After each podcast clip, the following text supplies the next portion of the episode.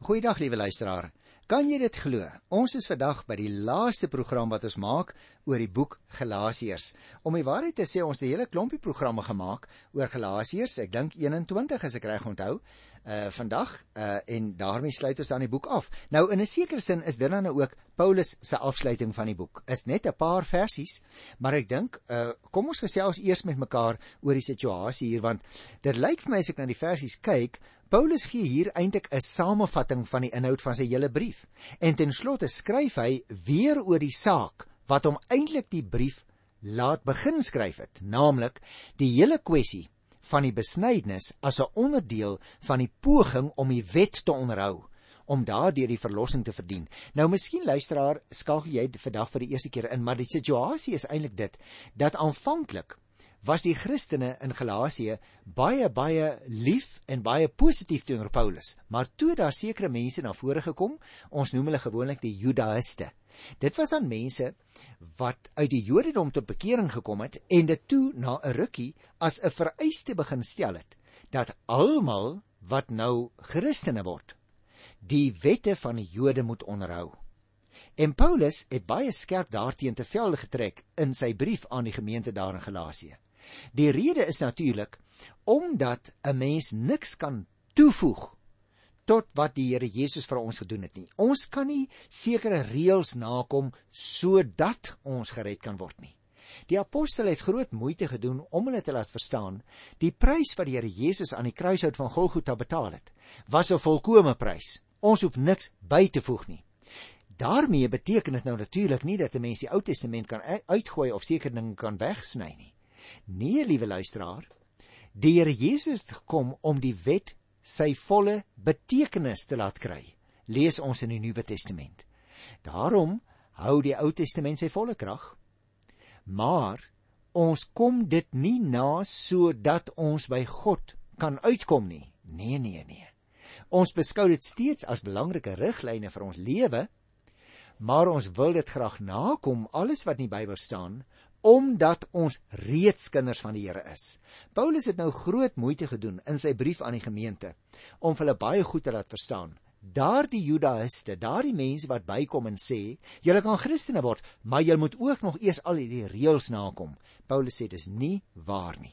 En so tussendeur het ons met mekaar ook daar gesels, luisteraars, julle en ek, om vir mekaar te sê ons moet dan ook oppas in ons eie tyd vir mensgemaakte reëls wat ons as vereistes stel waaraan ander mense wat op bekering kom moet voldoen. Dinge wat hulle moet nakom anders dink ons is hulle nie regte Christene nie. Dit kan nie wees nie. 'n mens is 'n Christen omdat jy in Christus glo.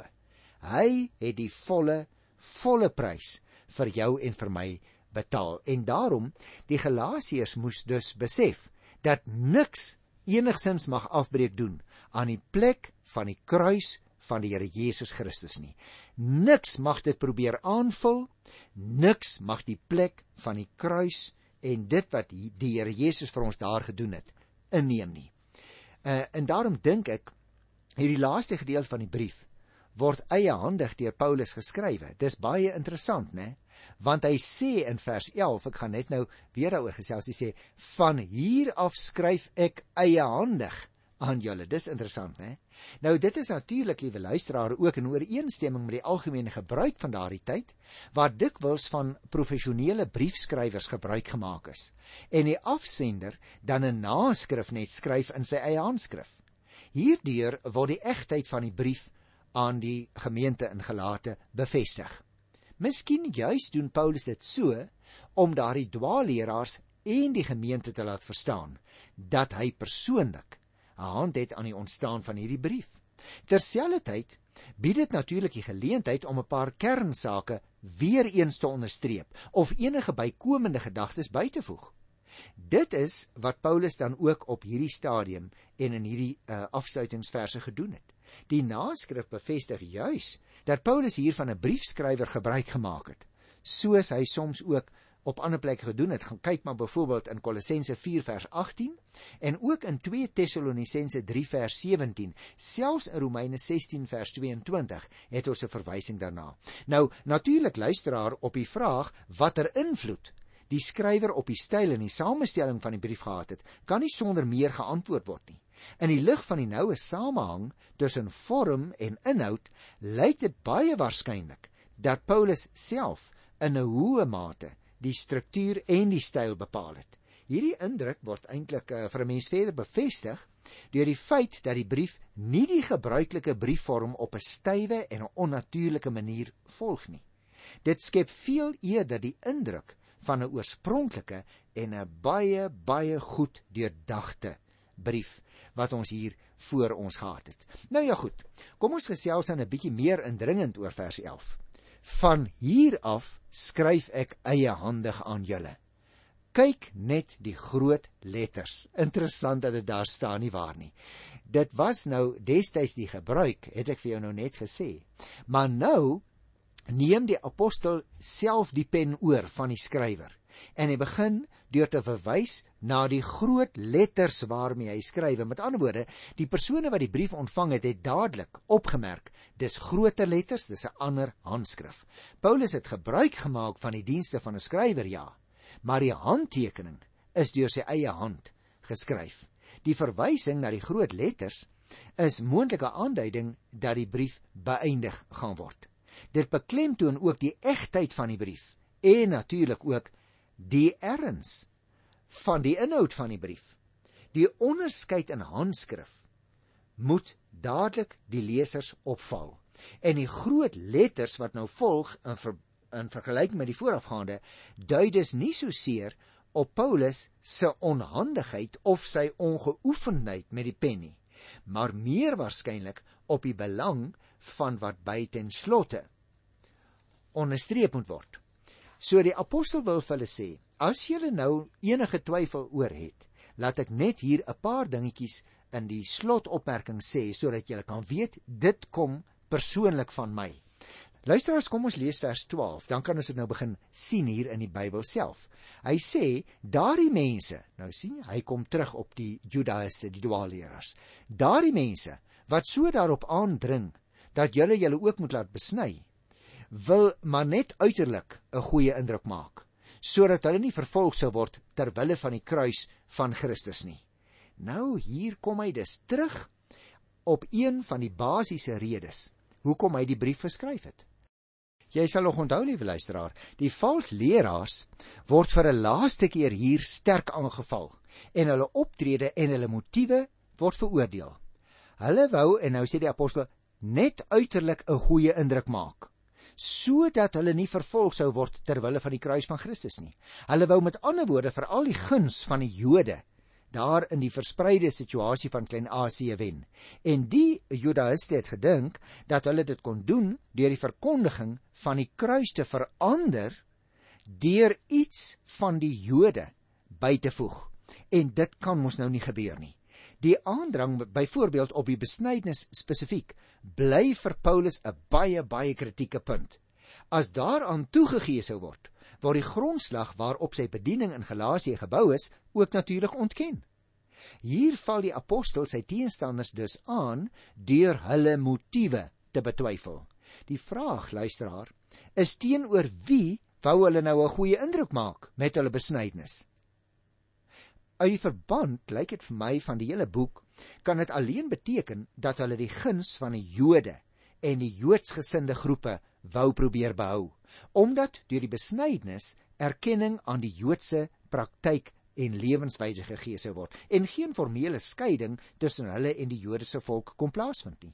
Dit is nie heeltemal duidelik nie watter vorm van vervolging hier na verwys word nie, maar weer eens gaan dit om onguns wat van Joodse kant op die hals gehaal word. Die verkondiging van Christus se kruisdood as die beslissende heilsgebeure bly egter 'n struikelblok, soos Paulus reeds van tevore gesê het. Jy sal onthou as hy daaroor gepraat het ook hoofstuk 5 van die 11de vers af gespreek het. Kom ek sê dit andersom. Die uiterlikheid van die besnydenis as 'n teken stem ooreen met die uiterlike vertoon wat die mense gelewer het, afgesien van wat die gesindheid van hulle harte was. Paulus wil dus dat daar geen misverstand sal wees nie en daarom beklemtoon hy dit hier aan die einde van sy brief. Die vals leraars word dus vir 'n laaste keer sterk aangeval sodat niks en niemand geen gebruik, geen toevoeging gemaak mag word tot die verdienste van Jesus Christus nie. Die verdienste wat hy aan die kruis verwerf het, dit verleen aan sondaars soos jy en ek ook liewe luisteraar toegang tot die koninkryk van God. Uit ons eie mag ons niks byvoeg of wegneem van wat die waarheid van die evangelie is nie. Dit bring ons dan by die 13de vers. Nou luister nou baie mooi. Al het hulle hulle eers laat besny, onderhou hulle self nie die wet van Moses nie, maar hulle wil net hê dat julle julle moet laat besny sodat hulle kan roem oor wat met julle liggaam gebeur het. Dis 'n baie interessante opmerking wat die apostel hier maak want dit is moeilik om presies te weet waarop Paulus presies sin speel. As hy beweer dat sy teenstanders self die wet van Moses nie onderhou nie. Dit kan wees luisteraars dat hy verwys na Joodse Christene wat wel die besnydenis as teken gehandhaaf het, maar hulle nie aan die ander bepalinge van die Joodse wet verbonde geag het nie. Meer waarskynlik lyk dit vir my is dat Paulus verwys na die vurige voorstanders van die wet wat in hulle eie lewe tog nie self daarin geslaag het om die hoë etiese eise van die wet te handhaaf nie. Met ander woorde, hy sê vir sy lesers, julle moet oplet dat daar mense is wat op uiterlike dinge 'n appel maak, maar innerlik is hulle self nie baie getrou om te doen wat die Here van hulle vra nie. Daarom uh, het ek net nou vir jou gesê dit is eintlik die laaste keer dat Paulus 'n skerp aanval op hierdie mense doen. Maar dit is vir ons belangrik juis omdat jy en ek ook in die tyd waarin ons lewe, liewe luisteraar, hoor hoe dat mense soms sê ag man, verlossing en die oplossing wat die Here Jesus Christus bied, as hy sê ek is die weg en die waarheid en die lewe Johannes 14 vers 6. Dit is maar een van die maniere waarop 'n mens gered word. Nou, liewe luisteraar, Paulus maak soveel erns daarvan dat hy sê die kruis van Christus is die enigste manier. En daarom moet jy en ek ook versigtig wees in ons tyd dat ons nie 'n kompromis probeer tref nie. Daar is nie 'n ander manier om gered te word nie as behalwe deur Jesus Christus en deur hom alleen. Ons kan op niks anders staat maak nie. Nou goed luisteraars, kom ons kyk dan na vers 14. Ook net so interessant. Hy sê: "Wat my betref, mag God verhoed dat ek ooit oor iets anders roem as oor die kruis van ons Here Jesus Christus. Want deur die kruis is die wêreld vir my dood en ek vir die wêreld." Hy onderstreep dit dus eintlik nog 'n keer. Daar is baie versoekings en aanloklikhede, baie soorte van praktyke en standpunte in hierdie wêreld, liewe luisteraar. Daar word elke dag op 'n baie subtiele manier druk op jou en op my uitgeoefen en word ons selfs baie keer van alle kante met bedekte dreigemente gekonfronteer. Waar mense sê maar dit is nie so dat uh, net Christus die enigste saligmaker is nie. Maar nou sê die apostel, daar is geen ander manier nie. Hy voeg selfs die 15de vers by as hy sê of 'n mens besny is of nie, is nie van belang nie. Maar dat jy 'n nuwe mens is. Jy sien die apostel sny by die wortel die gedagte af dat uiterlike handelinge daartoe kan lei dat 'n mens gered is of nie. Die apostel sê die uiterlike dinge maak nie saak nie. Daar is net een manier waarop jy hierdie vernietigende invloed kan ontsnap, naamlik die besef dat jou ou mens saam met Christus aan die kruis gesterf het en dat jy nie nou meer self lewe nie, maar dat Christus in jou lewe. Jy sal onthou luisteraars, ons het dieselfde gedagte van die apostel gekry by uh, Galasiërs 2 by vers 20, maar ek het daaroor met jou gepraat, so ek noem dit net maar ek los dit nou daar. As jy op 'n ander manier as langs die weg van die kruis probeer om jou lewe reg te ruk, dan gaan jy misluk, liewe luisteraar. Ons kan niks byvoeg nie. Ons kan ook niks wegneem nie. Christus is die weg en die waarheid en die lewe. Dis eers wanneer jy saam met Christus gesterf het, sê die apostel, dat die Heilige Gees die een word wat jou lewe wil beregeer. Dat jy uiteindelik onder leiding van die Heilige Gees 'n totaal nuwe mens word. En daarom luisteraar mag jy en ek net soos Paulus nooit toelaat dat iets of iemand die plek van die kruis van Christus in ons lewens inneem nie. By die Joadiseërs, daai klomp Judaïste, was dit die besnydenis wat bygevoeg word. Mag ek vir jou vra, is daar dalk dinge in jou eie lewe, luisteraar, wat dreig om die plek van die kruis in te neem? Want as jy enigiets wil byvoeg by die kruis van Christus, dan wil ek vir jou sê, jy is op 'n dwaalweg. En daarom sluit Paulus af deur dit juis te beklemtoon. Deur die teenstanders wat op die uiterlike vertrou het, ook die uiterlike van die besnydenis, sê Paulus, dit kan nie so werk nie. Dit dit mag nooit so werk nie. Jy sien, luisteraar, dit is juis die oorgang tot hierdie nuwe bestaanswyse, naamlik dat Christus volledig vir ons betaal het, wat die wese van die verlossing uitmaak. Vir die onderskeid tussen gelowiges en nie-gelowiges, tussen verlossing en steeds 'n slaaf van die sonde wees, het die besnydenis nie meer enige betekenis nie. Daarom skuif die ou grenslyne soos uit die volgende verse gaan blyk. Ek haas my om dit te lees. Kom ons kyk hierso na vers 15. Want hier sê die apostel baie duidelik, daar het 'n dramatiese skuif in die wêreld plase vind wat verlossing betref. Hy sê of 'n mens besny is of nie is nie van wesenlike belang nie. Maar dat hy 'n nuwe mens is. Jy sien jy en ek is so geneig om aan allerlei goed te dink. Maar dat ons wegkyk van wat die Here Jesus Christus werklik vir ons gedoen het. Liewe luisteraar, miskien het dit tyd geword dat jy en ek ook weer 'n slag in ons eie hart en in ons eie lewe inkyk. Ons moet dit baie goed bestaan. Besnydenis of nie besnydenis nie, is nie van belang nie. Wat van belang is, is dat Jesus Christus in ons lewe ingekom het. Dat ons geantwoord het toe hy in ons lewe ingekom het en dat ons nou onder leiding van die Heilige Gees lewe. Die die beginsel is baie belangrik dat ons dit nie sal mis nie. Luister na die 16de versie. En almal wat volgens hierdie beginsel leef, die ware Israel, mag God aan hulle vrede gee en barmhartigheid bewys wonderlik. Paulus sê die kruis van die Here Jesus Christus en die nuwe lewe, dit is die beginsel waar volgens alles beoordeel moet word in ons lewens. Die Galasiërs sê hy moet in hulle denke en in hulle optrede volgens hierdie beginsel lewe. Dan word dit 'n toesegging van seën en van genade. Dit word 'n toesegging van wat die Here vir ons gedoen het en dat die ware Israel besig is om na vore te kom. Jy sien, wie is die ware Israel? Die ware Israel is mense wat in Jesus Christus glo.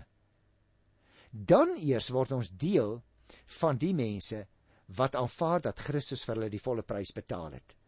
In die lig van die hele waarheid wat Paulus wou onderstreep in die boek aan die Galasiërs, is dit my baie duidelik dat hier nie na Israel in nasionale sin verwys word nie. Met ander woorde, dit is nie van selfsprekend dat as iemand 'n Jood is, dat hy gered gaan word nie. Inteendeel, liewe luisteraar, dit is juis mense wat in Christus glo wat gered gaan word, nie die ander nie. Dit help nie jy volg allerlei reëls nie. Dit help nie jy doen wat ander mense vir jou sê, maar jy glo nie in Christus nie. Die bottom line sou die kinders vir ons wou sê is Glo jy in Christus of nie? Want by Christus aan die voete van die seun van God, daar gaan die paaie uiteen. Jy's in of uit, reg of weg. Daar is nie 'n ander manier om gered te word nie. En dit is die gedagte wat die uh, apostel Paulus ook vir die Galasiërs baie baie goed wil laat verstaan. Luister dus na vers 17. Niemand moet dit vir my verder moeilik maak nie want ek dra al klaar die littekens van Jesus aan my liggaam. Wat sou hy daarmee bedoel? Jy sien luisteraar, 'n mens voel iets van die ergerlikheid wil ek eintlik sê van Paulus hieraan. Dit is asof hy vir ons wil sê, hoorie julle moet verstaan en julle wat daarin gelate woon, julle moet verstaan, daar is net een manier. Solank as wat daardie mense wat die Judaïste is, wat iets bylas tot by wat die Here Jesus verdien het aan die kruis van Golgotha, dan moet julle weet hulle is dwaalleraars. Ek dink jy sal met my saamstem, liewe luisteraar. 'n Mens kry amper die indruk dat die apostel regtig nou baie geïrriteerd is met hierdie man, mense. Want hy sê vir hulle herhaalde kere, een na die ander in sy brief, elke keer, 'n mens kan nie byvoeg nie. En dit bring ons by die laaste versie van uh, Paulus se brief aan die gemeente in Galasiërs vers 18. Daar staan: "Die genade van ons Here Jesus Christus sal by julle wees, broers." Amen. Nou luisteraars, in jou eie styl moet jy en ek regtig waak oor sekere dinge. En ek wil vir jou 'n paar voorbeelde noem. Eerstens byvoorbeeld, moenie die vryheid wat Christus vir jou gegee het, prys gee deur sy kruisverdienste met ander van ander kant af te probeer opmaak met dinge wat jy self kan doen.